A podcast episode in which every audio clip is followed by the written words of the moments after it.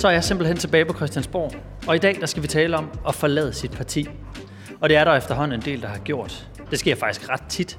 Og jeg må indrømme, at jeg har en ret klar idé om, at politikerne nogle gange er lidt vendekåbagtige. At hvis ikke de lige kan få den succes, de mener, de selv har fortjent, ja, så skifter de bare til et andet parti og prøver succesen der. Ligegyldigt, om det måske ikke helt stemmer overens med deres politiske holdninger. Om den fordom så holder, det skal jeg tale med to politikere om i dag. To, der faktisk har prøvet at skifte parti eller stifte parti. Det er Markus Knudt fra De Konservative. Jeg havde det lidt som sådan en nordkoreansk øh, officer, der, der spurgte hen over den demilitariserede zone til Sydkorea. Og du ved, du stopper ikke halvvejs for at vente om og kigge, for så bliver du skudt. Og den anden, det er Simon Emil Amitsbøl Bille, der er løsgænger. Det er jo svære overvejelser. Det er jo sådan en slags skilsmissesituation. Det synes jeg egentlig er et meget godt uh, billede. Og mit navn, det er Esben Bjerre. Velkommen til Born Backstage.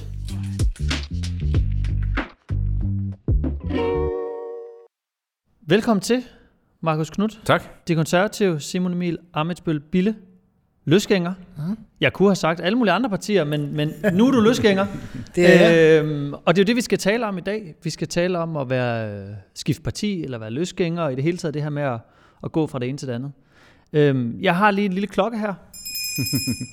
og det er, hvis I bliver for, øh, for partipolitiske, så prøver vi lige at, at melde det lidt ned. Der har været meget fin disciplin indtil nu. Det er få gange, jeg har fået lov at sidde og bimle med den. Det er et hårdt pres. Og jeg er militærmand, så det kan jeg godt lide, disciplin. Og, Godt. og jeg gør det ikke så meget partipolitik for tiden. Nej, det er det. Så altså, oplagte gæster her i programmet.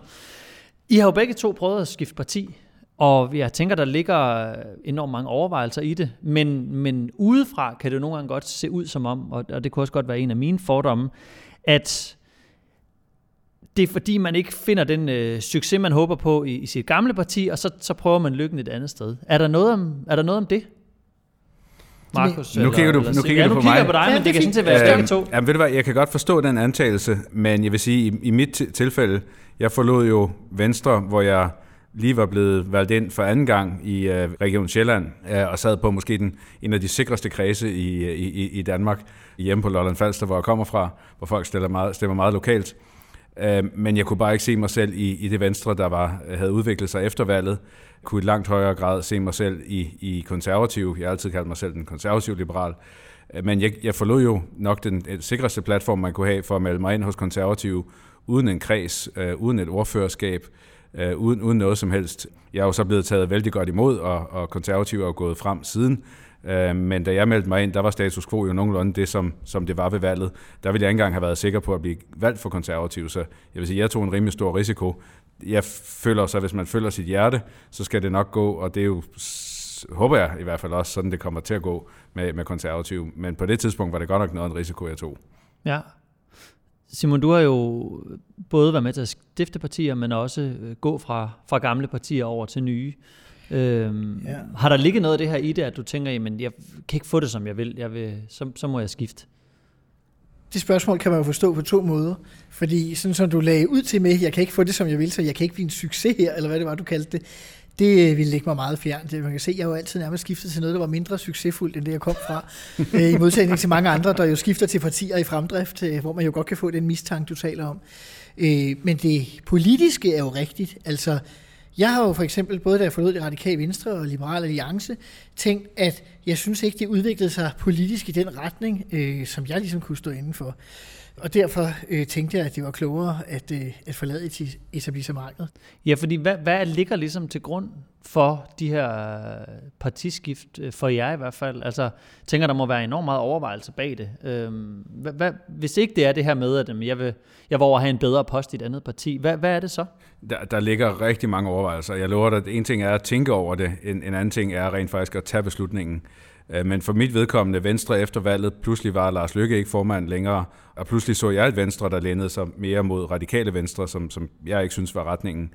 Så når man ser sit parti ændre sig, øh, interne magtkampe, et, et, et retningsskifte, øh, det var det, der ligesom blev det afgørende for, øh, for mig. Men stadigvæk at træffe beslutningen, og rent faktisk at ringe til sin formand og sige, jeg melder mig ud, nu melder jeg mig ind hos konservative, det, det, det var godt nok en svær beslutning, fordi det er jo ikke noget, du sådan går ind i gruppeværelset og siger til makkeren, hey, overvejer du også at melde dig ind hos konservative? Ja, det gør også. Altså, det er jo noget, man, man, man holder ekstremt privat. Jeg tror stort set kun, jeg kunne tåre diskutere det med min kone øh, og min hund. fordi det er, altså, det, det er ikke noget, der må rygtes, det er ikke noget, der, man træffer beslutningen, og så er det det. Det er ikke noget, man skal gå og, øh, og småsnakke over. Nå, hvem, hvem, hvem kan man vinde det her med? For jeg tænker, det er jo en, en stor beslutning, lidt ligesom hvis man skal tage en stor beslutning i sit privatliv. Altså det kan også være svært måske at dele ja, med alle mulige. Ja. Altså, hvordan jeg har, altså, begge gange, øh, hvor jeg har forladt et isoleret parti, der har jeg øh, faktisk vendt det med flere af mine venner. øh, og, og snakket med dem om det og prøvet, fordi... Men altså uden for Christiansborg? Uden for Christiansborg, altså ja, ikke, ja, ikke gået ned i gruppeværelset og sagt, nå, øh, overvejer du også er også det, noget stil. Det er måske være, være lige voldsomt nok, men mere altså, venner sådan uden for Christiansborg. Jo også fordi det er en meget voldsom ting, og det er jo også meget godt, at nogle af dem, Altså man skal huske på, hvad er det, der betyder noget? Det, der betyder noget for mig, det er, at min familie og mine venner synes, jeg er en fed person, ikke nødvendigvis at folk herinde eller vælgerne i almindelighed. Og det vil sige, når jeg prøver at fortælle dem, jeg har de her overvejelser. Øh, synes I, det lyder rimeligt? Hvis de nu sagde, at du er helt gak i hovedet eller et eller andet, så kunne det jo godt være, at man tænkte, ja. Øh, så det er jo svære overvejelser. Det er jo sådan en slags skilsmisse-situation. Det synes jeg egentlig er et meget godt øh, billede. Altså, da jeg skulle forlade de radikale, vil jeg bare sige, der var der det er jo sværere at forlade øh, Venstre i den forstand. Der er to formænd, der er både en organisatorisk og en politisk. Du skal ringe til dem begge to. Det gjorde jeg i hvert fald og sagde, ved du hvad, i morgen klokken 6, så melder jeg mig ud af det radikale Venstre. Jeg skulle først ringe til Margrethe Vestager, så ringede jeg til partiets landsformand, og så ringede jeg også til min sekretær, for jeg synes også, hun skulle vide, at når hun kom på arbejde øh, næste dag, så, øh, så var jeg der ikke. Det synes jeg var det mest færre, ikke? Og, og hvad er øh. ligesom processen i det? Altså, hvor, hvor lang tid gik du med det, dengang du, du skiftede Jamen, jeg gik der med det i jeg synes det gik ret hurtigt, da først den kætteriske tanke, den begyndte at opstå. Det var jo altså, man kan sige, jeg gjorde det også, man må ikke undskylde noget med ungdomligt overmod, men jeg gjorde det måske også på en ret vild måde, da jeg forlod de radikale. Øh, jeg skrev en kronik øh, til Berlingske Tidene, hvor jeg skrev, at øh, den daværende radikale partiledelse havde forladt alle principper og, og jo ikke behandlet deres parti særlig godt. Og den, øh, den ville jeg have bragt en meget bestemt dag, så jeg ringede til debatredaktøren på Berlingske Tidene. Jeg har aldrig snakket med ham før, så jeg har en kronik, som du gerne vil bringe, men du får den kun, hvis du siger ja til den, kommer den her dato, inden du har læst den. Og hvad sagde han så? Sagde han, det lyder som om, jeg skal sige ja. så det gjorde han. Og det der så var det lidt unfair fra, mit, fra min side, det var jo så, at øh, den fik jeg så trygt dagen efter, jeg var taget til USA, til FN's generalforsamling væk i tre uger fra Danmark. Ej, øh, mens at der i weekenden skulle være landsmøde i mit parti. Så, øh, så jeg svævede på en rigtig, rigtig håndgranat at smide. ubehagelig måde over Nyborg Strand i den der weekend. Og så, øh, så kunne de ellers få lov til at diskutere det i, i, i tre uger, mens jeg var i Washington og New York. Og jeg vil sige, jeg tror godt, jeg kan tillade mig i dag at sige, at jeg forstår godt, at Margrethe Vestager blev lidt mere end almindelig gnaven over det. Øh, vil, vil du gøre det på samme måde i dag, tror du? Nej, det vil jeg nok ikke. I dag ville jeg sikkert have været endnu mere stridbar, så der ville jeg have fået trykt kronikken og mødt op til landsmødet øh, og lavet rabat og taget den. Og taget den der. Ikke? Øh, man kan sige, jeg tror også, jeg mistede måske sympati for nogle af dem, jeg ellers havde sympati fra, fordi jeg ikke var der. Og det ligesom var sådan lidt voldsomt, øh, voldsomt måde at gøre det på. Og det, det sjove var jo, da, da, når man så træffer beslutningen, jeg vil sige, du var noget mere modig end, end mig, Simon Emil, fordi du siger, at du meldte ud aften inden, at i morgen tidlig skifter parti jeg, jeg, jeg var måske lidt paranoid og tænkte, hvis jeg melder det ud aften inden, så giver man jo trods alt det parti, man forlader, som trods alt kan være ret fornærmet ret mange timer til at måske at lave et modtræk. Øh, så Han er jeg, smidt ud. Ja, for eksempel. Agtig. Så, så jeg, øh, jeg ringede altså en time inden, øh, jeg lagde det på Facebook. Og, og, og det sjove er, så, ser, så pludselig så ruller hele bånden og hele mediebilledet og så videre. Jeg var så herhjemme. Men man indtager også alle de praktiske ting, der ændrer sig. Ens lås bliver ændret, fordi ens nøgle virker jo til venstre kontor. Øh, det skal den jo ikke gøre fremadrettet. Ens e-mailkonto er lige pludselig, som også er bundet op på et parti, der er også nogle timer, hvor den ikke virker. Og jeg husker, jeg stod nede i servicecenteret og, og med alt det her logistikkaos, og så kommer Simon Emil gående ind, og så sagde jeg, det er sjovt, du kommer her, Simon Emil, for jeg har faktisk overvejet at ringe til dig flere gange, for at høre, du har om nogen prøvet det et par gange, hvad, hvad sker der, hvad, hvad er reaktionerne, hvordan gør man? Og så sagde Simon Emil, er jo klar, hvor mange der har ringet til mig og, og overvejet det, men som så ikke har gjort det alligevel. Og, øh. og det er faktisk rigtigt. Altså, jeg er blevet brugt som sådan en sparringspartner for folk, som er ved at blive straffet af deres partiledelser. Hvad har jeg egentlig ret til at udvalgsposter, hvis de vil gøre mig noget? Hvad kan, hvad kan jeg... Du er blevet sådan en slags øh, fagforeningsmand ja, for partiskifter ja, og det kan jeg sige. Altså, det har jeg prøvet fra, nærmest fra det yderste højre til det yderste venstre, øh, at være rådgiver i forbindelse både med folk, der har overvejet at skifte parti, folk, der har skiftet parti, og folk, som har været bange for, hvilke repræsalier deres øh, ledelse vil give dem.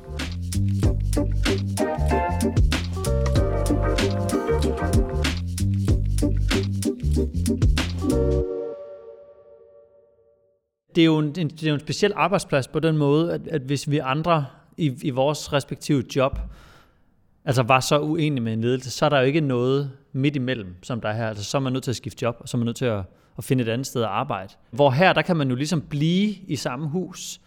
Hvordan er ugerne og månederne efter? Men jeg har jo oplevet det øh, to gange, og det har været meget forskelligt. Da jeg øh, forlod de radikale, der øh, måske også lidt bekræfter fordomme om, hvordan folk i det radikale venstre er, så var de fleste utrolig venlige. De blev ved med at sende mig hver øh, uge deres indstillinger og begrundelser til alle lovforslag, sådan, så jeg ligesom havde et fagligt grundlag at tage stilling til lovforslagene på. Og Kæmpe courtesy. Ja, jeg synes, ja, og de kørte også en, sådan en kvælende kærlighedsstil, ikke? Vest, ja, hun blev ved med at udtale de første måneder efter, Simon Emil er altid velkommen til at melde sig ind i det radikale venstre. Der står både kredse og ordførerskaber parat til ham. Det, var sådan, det er ret svært at, at, at forlade sin kæreste, hvis hun bliver ved med at sige, at dobbeltsengen, den, øh, den uh, står varm endnu ja. øh, til dig. Øh, det var sådan lidt den fornemmelse, man havde. Så tager man dog for pokker alvorligt. Da jeg forlod det øh, Liberale Alliance, det er jo mere nyligt, men jeg siger, de tog det væsentligt mere tungt. Selvom man kan sige, at det sjove var, at de ville måske hellere af med mig. Og derfor er det jo egentlig mærkeligt, at de tog det mere tungt, end de radikale, som ikke ville af med mig. Jeg forlod Liberale Alliance lidt mere pludseligt, end jeg havde regnet med. Fordi det pludselig kom til min vidne, at man i flere uger i øh, hovedbestyrelsen havde behandlet en sag om, at der var nogen, der ville tvinge mig på overlov. Øh, og det øh, vidste øh, stort set hele hovedbestyrelsen, og i hvert fald to af mine tre folketingskolleger fra folketingsgruppen igennem to og en halv uge. Og jeg var den eneste nærmest i hele hovedbestyrelsen, der ikke vidste, at alle øh, behandlede øh, og snakkede med hinanden om, jeg, om jeg skulle tvinges på overlov fra Folketinget. Så der var ligesom en helt konkret... Så, så da jeg, da jeg blev kontaktet af en TV2-journalist, der sagde, hvad siger du til, at der er sendt det her brev øh, til dig? Jeg siger, jeg har ikke modtaget noget brev. Og så kunne han da sende mig brevet. Så kunne jeg læse det. Jeg kunne se, hvem der har skrevet under på det, og hvad ved jeg. Og så tænkte jeg, okay, så er vi jo så langt henne, så at, øh, synes det godt nok var voldsomt. De var tidligt ude med mandebarselen. De var tidligt ude med mandebarselen. Det ja. var ikke bare, øh, bare øh, en enkelt lille kvote. Det var tvangsbarsel nærmest i et halvt eller et helt år, tror jeg, de havde forestillet sig. Hvordan har det så været det her med at komme, komme ind i et nyt parti? Altså, hvordan er det det der med første dag i, øh, i den nye klasse og, og sige, hej, jeg hedder Markus, og, og, og nu er jeg her, tada, ja, har det, en stol. Det, det var jo, øh, fordi øh, halvdelen af den konservative gruppe kendte jeg jo rigtig godt fra sidste valg, hvor konservative havde seks mandater. Øh, efter valget var konservative blevet dobbelt så store til 12 mandater, så de nye kendte jeg jo ikke særlig godt. Så jeg, jeg kom ind der i, i gruppeværelset og kunne give en stor krammer til dem, jeg kendte, og de andre skulle jo bare sige, goddag, jeg hedder Markus. Men, men så til gengæld det, som jeg havde håbet, som så også er, er det, jeg, jeg, jeg, jeg kan glæde mig over nu, det er, altså de, de, de fløjkrige, der var hos Venstre mellem, lad os sige, den konservative og den liberale fløj, og om burkager, om for imod arveafgift, altså de ting, som virkelig betyder noget hos mig, det, det er man enige om hos konservative. Og, og det har i hvert fald givet mig en, en kæmpe ro. Det er ikke, fordi vi er enige om alt, som i, på nogen måde, men, men de ting, der virkelig betyder noget for mig, som var den primære årsag til at skifte fra et politisk perspektiv, der har jeg fundet den, den, den ro, jeg ledte efter. Og det, det gør det altså noget, noget sjovere at stå op om morgenen og gå på arbejde. Jamen, fordi du, du gik jo, Simon Emil, fra et meget, meget øh, gammelt og traditionsrigt parti, Radikalt Venstre, til et helt nyt parti. Der gætter på, at der er også en enorm forskel sådan i, i energien, i om man er det ene eller det andet. Jamen, jeg havde jo noget af nogle tredje sten, ikke? Altså, for jeg gik fra det radikale venstre til at blive løsgænger, så lavede et parti, der hed Borgerlig Centrum, og så slog vi det ind i Liberal Alliance senere. Så, øh, så det var sådan et du, du, du, øh, sådan smut hen af vandet næsten, ikke? Ja. Øh, og det er klart, at det var øh, meget forskelligt. Øh, man kan sige, der var jo alligevel en del, som jeg også kendte fra det radikale venstre i Liberal Alliance. Det var jo sådan set en fordel. De havde to folketingsmedlemmer, da jeg kom ind og var det tredje. Øh, og de havde begge to, øh, Anders Samuelsen havde siddet både i Folketinget og Europaparlamentet for, øh, for R, og Willem Christensen, han havde siddet i kommunalbestyrelsen i 25 år øh, for R. Øh, så vi talte jo sammen alligevel ja. på en eller anden måde fra starten.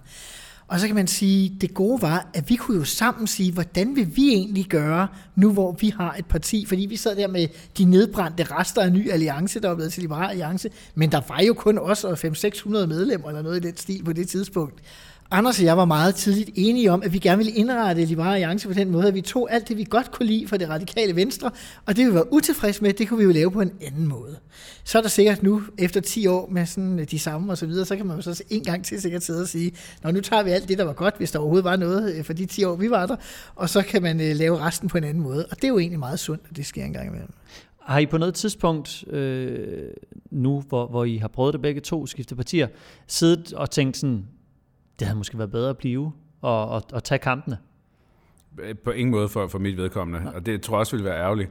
Jeg har nogle gange øh, kommet med det her sådan lidt, lidt billedligt eksempel på, det er lidt som, for, fordi det er noget, man ikke diskuterer med mange mennesker inden, og man ikke helt ved, hvad det er, man, man, man går til, øh, og, og hvis man laver en fejltagelse, så kan man i hvert fald ikke vende tilbage til der, hvor man kom fra. Jeg havde det lidt som sådan en nordkoreansk øh, officer, der, der, sådan afhopper. der spurgte hen over den demilitariserede zone til Sydkorea.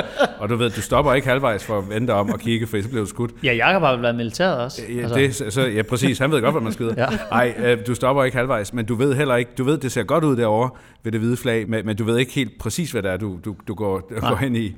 Øh, for, for mig har det været en, en rigtig, rigtig god beslutning, men det er jo ikke sikkert, at det, altså, det, er der jo ikke nogen statsgaranti for. Og det var også derfor, jeg overvejede det, da jeg ringte til dig, ja, Simon, for at sige, bare for at spare med en eller anden, der vidste noget om det. Men, men det, det, altså, det gør man ikke. Jeg, jeg gjorde i hvert fald ikke, fordi at du, det skal nødig rygte sig, at, at du er i gang med at skifte, fordi det, det, så kan det først gå rigtig galt. Ja. Jeg vil bare sige, det kan man roligt gøre. Altså, folketingsmedlemmer, der overvejer at skifte, de kan altså, roligt ringe til mig. Det fortæller ja. jeg ikke til nogen.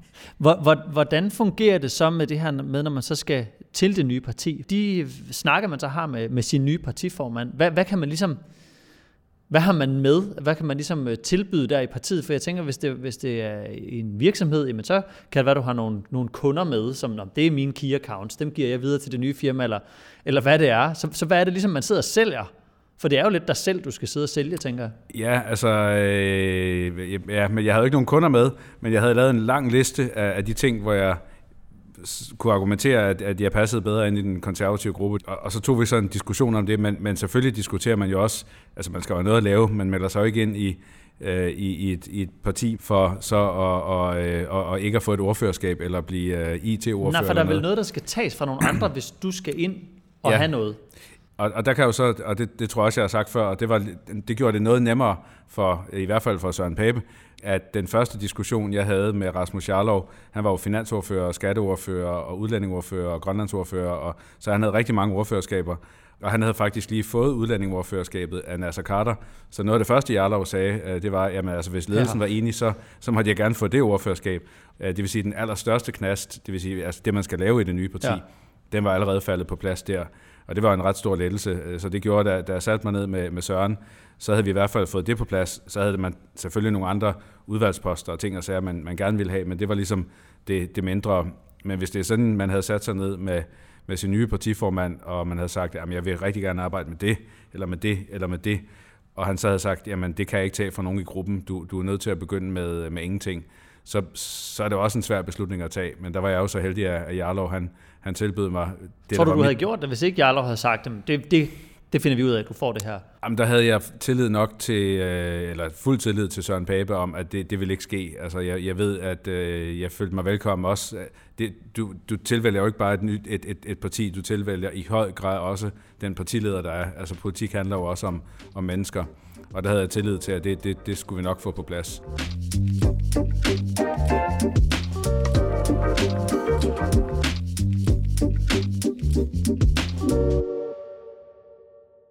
Kan I godt forstå, hvis, hvis der sidder nogle vælgere derude, som har stemt på en person, og så går der ikke så lang tid efter et valg, og så, så skifter personen. Altså at man sidder lidt med en følelse af, men er det mig, der er idiot, eller, eller er det den der politiker, jeg har stemt på, jeg fuldstændig har misforstået? Som Simon siger, altså, jeg tror begge to, vi har haft følelsen af, at vi var forladt af vores parti. Så jeg følte jo, at de ting, som, som det gamle Venstre havde stået for, som var vigtige for mig, det parti står for mange ting, men de ting, der var vigtige for mig, ville det nye Venstre ikke. Hvorimod de ting, jeg var gået til valg på, var jo, var jo virkelig mærkesager for, for, for konservative. Så over tid kunne jeg bare se, at altså, jeg var et bedre match hos, hos konservative, end, end jeg var hos, hos Venstre. Men, men det er selvfølgelig lidt, lidt svært, især for lokalforeningen, fordi de, de føler jo, at de har arbejdet for at få ind i Folketinget, og pludselig repræsenterer man et andet parti. Har I nogensinde skulle forholde jer til, til vælgere, som har ligesom øh, sagt til jer, hvad, hvad fanden laver I, eller, eller stoppet jer, hvis I står og skal, skal snakke med vælgere, og hvorfor har I skiftet? Eller er det, er det noget, vælgere overhovedet forholder jer?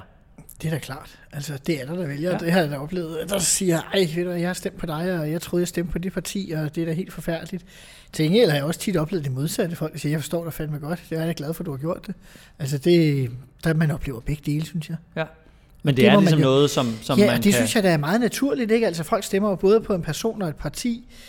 Øh, man kan jo ikke kontrollere, om de har stemt på en, øh, men, men nej, nej. det må man jo tage deres ord for. Øh, og så må man jo snakke om det og forklare, øh, hvorfor det forholder sig, som det gør. Altså jeg synes jo, der er jo nogen, der siger sådan lidt, ah, men så må man jo forlade Folketinget, hvis man ikke vil være for det parti, man er valgt for. Det må jeg bare sige, som tidligere øh, medlem af en forholdsvis topstyret partiledelse, altså, det vil jo give en helt sindssyg magt til partiledelserne herinde, hvis jeg sagde, nå, men nu vil, hvis Markus var medlem af min øh, folketingsgruppe, og jeg var gruppeformand, nu vil du ikke gøre, som jeg siger. Nu beslutter jeg så, at du får ingen ordførerskaber, du får ingen udvalg, du får ikke øh, en dyt, og så kan du jo ikke øh, gøre andet end at sidde og tage imod øh, det. Altså, det vil jo for at skubbe magtforholdet fra det enkelte folketingsmedlem til partiledelserne fuldstændig sindssyg måde. Og der skal man huske på, at i mange partier, ikke dem jeg har været medlem af, men i mange af de andre partier, for eksempel de konservative, der er det jo der medlemmerne, der har valgt formanden. Så er det nogle meget lille gruppe af danskere, der vælger en formand, som så kunne beslutte alt over de folketingsmedlemmer, der var i gruppen. Det vil jo kortslutte demokratiet fuldstændig. Ja, fordi jeg, jeg har siddet her i, i rummet med nogle andre politikere, jeg skal nok være med at sige hvem, men, øh, men som, som var lidt knotten over det her med alle de her partiskift, der har været, især i, i seneste folketingssamling her, hvor, hvor der har været, jeg tror, I har slået rekord, Øhm, men, men hvor der nemlig bliver sagt det her, at det er også for galt, at man så ikke bare giver mandatet videre, hvis, hvis man lige pludselig vil noget andet. Hvad, hvad tænker I om det? Jamen, noget af det første, man gør, når man er nyvalgt folketingsmedlem, det er, at man skal ind og skrive under på grundloven. Og der står netop, at man kun er bundet af sin egen overbevisning som folketingsmedlem. Øh, man er ikke bundet af et parti, man er ikke bundet af et parti, der måske pludselig kan skifte retning, eller et parti, der sågar kan skifte fra rød til blå blok, eller øh, et parti, som pludselig er blevet, en dag er blevet på udlændingområdet, og så er hårdere eller omvendt. Øh, og, og, og det er jo derfor, når man er gået til valg på nogle ting, som, som man selv går ind for, øh, og man så står vagt om det, det, det synes jeg jo er det rigtige at gøre.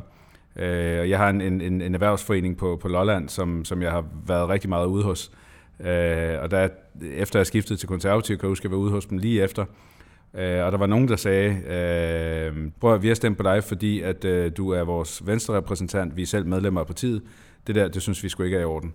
Men samtidig, da folk ligesom havde sagt det, og havde fået luftet deres utilfredshed, så var det ligesom, så, så kunne man godt være gode venner igen og, og arbejde videre. Men man synes jo også, at man nogle gange glemmer, det er som om, at folk, der skifter parti, uha, det må sørme være nogen, hvad var det, der var en eller anden vicedirektør, der skrev for en dag, nogle rykkesløse et eller andet, stod der i politikken. Men man kunne jo også sige, at Mette Frederiksen kom i Folketinget på en slap udlændingepolitik, og er nu nærmest til højre for Markus. Ikke? Ah. Øh, Anders Fogh, han, han var sådan det ultraliberale på det økonomiske, og endte med nærmest at være socialdemokrat. De ville nemlig gerne være statsministre, og derfor var det vigtigt at skifte politik måske, end at skifte parti. Øh, så jeg synes faktisk, at man skal huske, at der er sådan begge dele i det. Men, men, men, men hvorfor tror I, at lige præcis den her omgang, er det bare en tilfældighed? At, at så mange har skiftet parti, eller er blevet løsgængere. Øhm, ja. Altså er der et eller andet i partierne, der har ændret sig det, det seneste stykke tid? Der er der masser i tiden også, der har gjort det. Altså professionalisering af partierne, den øgede topstyring af partierne, det er en forventning om en mere, tror jeg, ubetinget øh, enshed og loyalitet, end der var tidligere. Det så der jeg, er mindre albuerum det inden tror jeg, for der partierne, i, mange, synes du? Af, i mange af partierne, ja. Øh, det kan vi jo også se øh, selv i, i tidligere topstyrede partier som LA og DF, har der jo været kæmpe raballer, ikke? Altså, fordi at, at det bliver for stramt, når det ikke går godt. Når det går godt, kan du godt lave et topstyret parti, fordi alle kan acceptere, at mm. der er mm. topstyring, når det går fremad. Vi kan alle sammen lige at vinde. Det er det. Ja. Når det ikke går fremad, så er alle dem, der bare har ligget i liggestolen og ventet på, at det gik frem igen til næste valg, de skal jo pludselig rejse deres bagdel op af liggestolen og lave noget selv. Og øh, så begynder kampene jo også, ikke? Altså. Udover det, den diskussion, som Simon Emil siger, man så har, så sidder parti medlemmerne i, i gruppen jo også og kigger på hinanden og siger, jamen når musikken stopper... Ja, det er en stoleleg. Så er det en stoleleg, når musikken stopper, og der bliver udskrevet valg. Hvem har så ikke en stol, når, når musikken stopper? Øh, og, og, og det gør jo den interne dynamik i et parti, der er på vej nedad, altså ekstremt dårlig, hvor hos os konservative, fordi meningsmålingerne går fremad, så sidder vi jo ikke og tænker, ah, jeg vide om du eller mig. Nej, det er eller... den kedeligste stolelej i byen. Der er 20 til års. Ja, præcis. og, og, vi, så vi 12 medlemmer. Ikke? Øhm, det er jo ikke det samme, som man bliver genvalgt, med, men, øh, som i overhovedet. Men, men, men, øh, men det er jo den der selvforstærkende effekt. Når det går godt, så er der opdrift, og når, når det går dårligt, så bliver man bare tynget nedad. Og det, det, det gør jo ondt at se på ens tidligere partikollegaer, den, de konflikter, der er. Og der skal så lidt til, at der, der, der kommer en kæmpe gnist og et, et kæmpe øh, diskussion og uenighed og så videre. Jeg tror også, man glemmer nogle gange, at der var nogle emner, der slet ikke var på dagsordenen engang. Måske da man meldte sig ind i et parti. Altså, det lyder måske helt vildt for de fleste mennesker. Jeg plejer at sige, da jeg meldte mig ind i Radikale Venstre, der betød deres holdning til udlændingepolitik faktisk ikke noget særligt. Øh, det var en gang i midten af 90'erne. Øh, der var der lidt med Karen Jespersen, der pipede lidt en gang imellem, men det tror jeg ikke, jeg beskæftigede mig særlig meget med. Det er jo sådan noget med økonomisk politik og EU-politik og retspolitik, men ikke i sådan en udlændingekontekst, som gjorde, at jeg valgte de radikale. Ikke? Så pludselig, så er der nogle emner, der kommer meget på banen, øh, øget indvandring. Ja, og i dag er det vel klima, som lige pludselig klima, har fået en kæmpe eksempel, platform. Klima som et andet godt eksempel. Øh, Øh, du kan også sige øh, MeToo, ligestilling og så videre. Der, øh, og så, der er masser af sager, der pludselig kommer på dagsordenen, som ikke var det på samme måde tidligere. Og så regrupperer holdningerne så, og dermed også partigrupperne på en eller anden, øh, på en eller anden måde. Altså det tror jeg faktisk øh, også øh, kan have en betydning i forhold til, om man kan holde sammen på et parti. Jamen, burde der være mere sådan øh, åbenhed og, og nærmest øh, ros til alle, alle jer, der, der skifter parti, og, og, og sådan som I fremlægger det jo, står ved sine holdninger, og i stedet for bare at lade sig presse ned i, i en eller anden partiboks, som ikke passer længere. Men prøv at høre, det letteste i verden, for mig, og sandsynligvis også for dig, det letteste i verden for mig, det havde det været at blive siddende i det radikale venstre. Ved valget i 2007 blev jeg valgt på det fjerde mandat, det vil sige, at partiet skulle ryge ud af Folketinget, før at jeg ikke var blevet valgt der kunne jeg da have blevet, været blevet siddende til at skulle på pension, eller var blevet båret ud med fødderne forrest under et hvidt klæde. det havde da været det nemmeste i verden. Der var også mange, der drillede mig i 2011, da Thorning blev statsminister og sagt, nå, så fik Uffe Elbæk den ministerpost, du skulle have haft. Og det er selvfølgelig sådan, det sveg skulle lidt en gang imellem, når de sagde det, fordi det var der måske en vis uh, sandsynlighed for, at havde været rigtigt. Men sådan er livet jo, fordi jeg synes også, det, var, det blev en virkelig god beslutning. Det har sgu været fantastisk. Og så skal man også huske på, hvad for en politik handler om interesser. De 100, nogle 60 eller 100, ja, som det er, som ikke har skiftet parti, mm. de har jo alle sammen en interesse i at tale disciplineringen op. Mm. At det værste, man kan gøre i verden, det er at skifte parti. Det bekræfter de alle i, som siger det, eller som antyder det, eller spørger til det, fordi du må jo ikke forlade sekten. Altså at forlade et politisk parti på nogle punkter, er jo også som at forlade Jehovas vidner. Altså, så kan det godt være, at du kan komme tilbage. Det ender sjældent godt. Så kan det godt være, at du kan komme tilbage i kirken, hvis du sidder omme bag øh, igennem øh, længere tid og bliver accepteret en gang til. Man gør det virkelig ikke for sjov. Men altså, hallo? SF er et partiudbryderparti, det radikale venstre er et partiudbryderparti, Liberale Alliance er et partiudbryderparti, Dansk Folkeparti er et partiudbryderparti, og så skal de sidde og hygge om, at man ikke kan skifte parti. Altså, helt de eneste originale er konservative, vil jeg gerne understrege. Ja, men der kan man jo sige, at de, og Socialdemokrati. de, kon- Vi nærmer os klokken. De, de konservative er jo lidt mere øh, specielle, fordi man med godsøjne nedlagde højre og oprettede det konservative Folkeparti. Du ikke? kan din partipolitik. Ja, ja, det kan jeg love dig for. Og du har siddet herinde længe jo. Men, det er når man er, når man er fagforeningsmand for alle partiskifterne, så er man nødt til at kunne historikken jo. Men, men, men det sjove er jo, hvis du går tilbage til tiden omkring grundloven, til at begynde med, var der jo ikke partier, og så blev de stille og roligt formet. Jamen prøv, jeg skulle til at spørge, som, som det sidste her i, i programmet, sådan som I sidder og taler her, hvorfor fanden har vi partier? Hvorfor er I ikke bare alle sammen valgt ind, og så må I lave de alliancer, som man nu kan, og pege på den, altså nærmest som konklave nede i, i Rom, og sige, men vi synes, store ledere skal være, være ledere, øh, i stedet for det her med at skal sidde og passe ind i nogle partier, som på sigt jo ændrer sig, eller som du siger, tiden skifter, og vi, vi finder ud af, at miljøet er vigtigt, eller et eller andet andet, i stedet for bare at være sig selv. Jamen, der, der er jo en styrke i, i et sammenhold, øh, og det at kunne spare med andre, arbejde med andre, Øh, men, men hvis du kigger på for eksempel USA, hvor der jo det meste af tiden kun er to store partier, demokraterne og republikanerne, de må jo så til gengæld, fordi der kun er to partier... Øh, de har fandme nogle fløje. De har, men de har jo nogle fløje, og de, de må jo stemme imod hinanden og så videre, hvor vi jo stor del af tiden forventet, skal vi stemme efter partidisciplinen. Der synes jeg, det, det er frisk, når man er til en sjældent gang imellem bliver sat fri og egentlig må stemme. Man skal også passe på mod det, man må stemme efter sin personlige overbevisning. Det meste af tiden er vi jo enige om, skattelettelser og udlændingsstramninger, men er til kommer der ting, hvor, øh, hvor, hvor man så bliver, bliver sat fri. Øh, så, så noget frihed er der, men altså, jeg tror, der er, en, der er en fordel i at have partier, som man ligesom har et, et sammenhold. I har, har I en lille forening, alle jer løsgængere, der er herinde, for I, jo, I er jo nogle stykker. Ej, nu er der ikke så mange. Markus er jo ikke løsgænger, Nej, Markus nej. er bare partiskifter.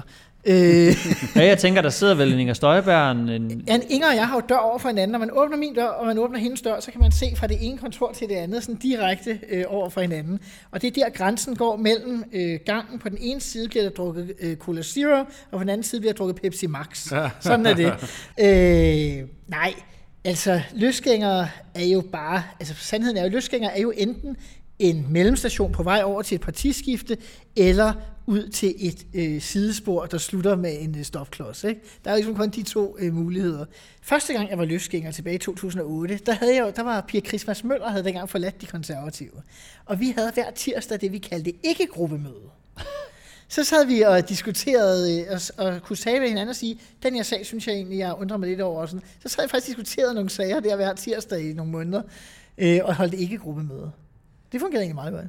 Jamen altså, øh, med, med et ikke-gruppemøde som, øh, som afslutning, og, og fra tillidsmanden til alle de, øh, de kommende og nuværende løsgængere, så vil jeg bare sige tusind tak til Markus Knudt, Simon Emil Amensbøl Bille. Det er også takker. Tak.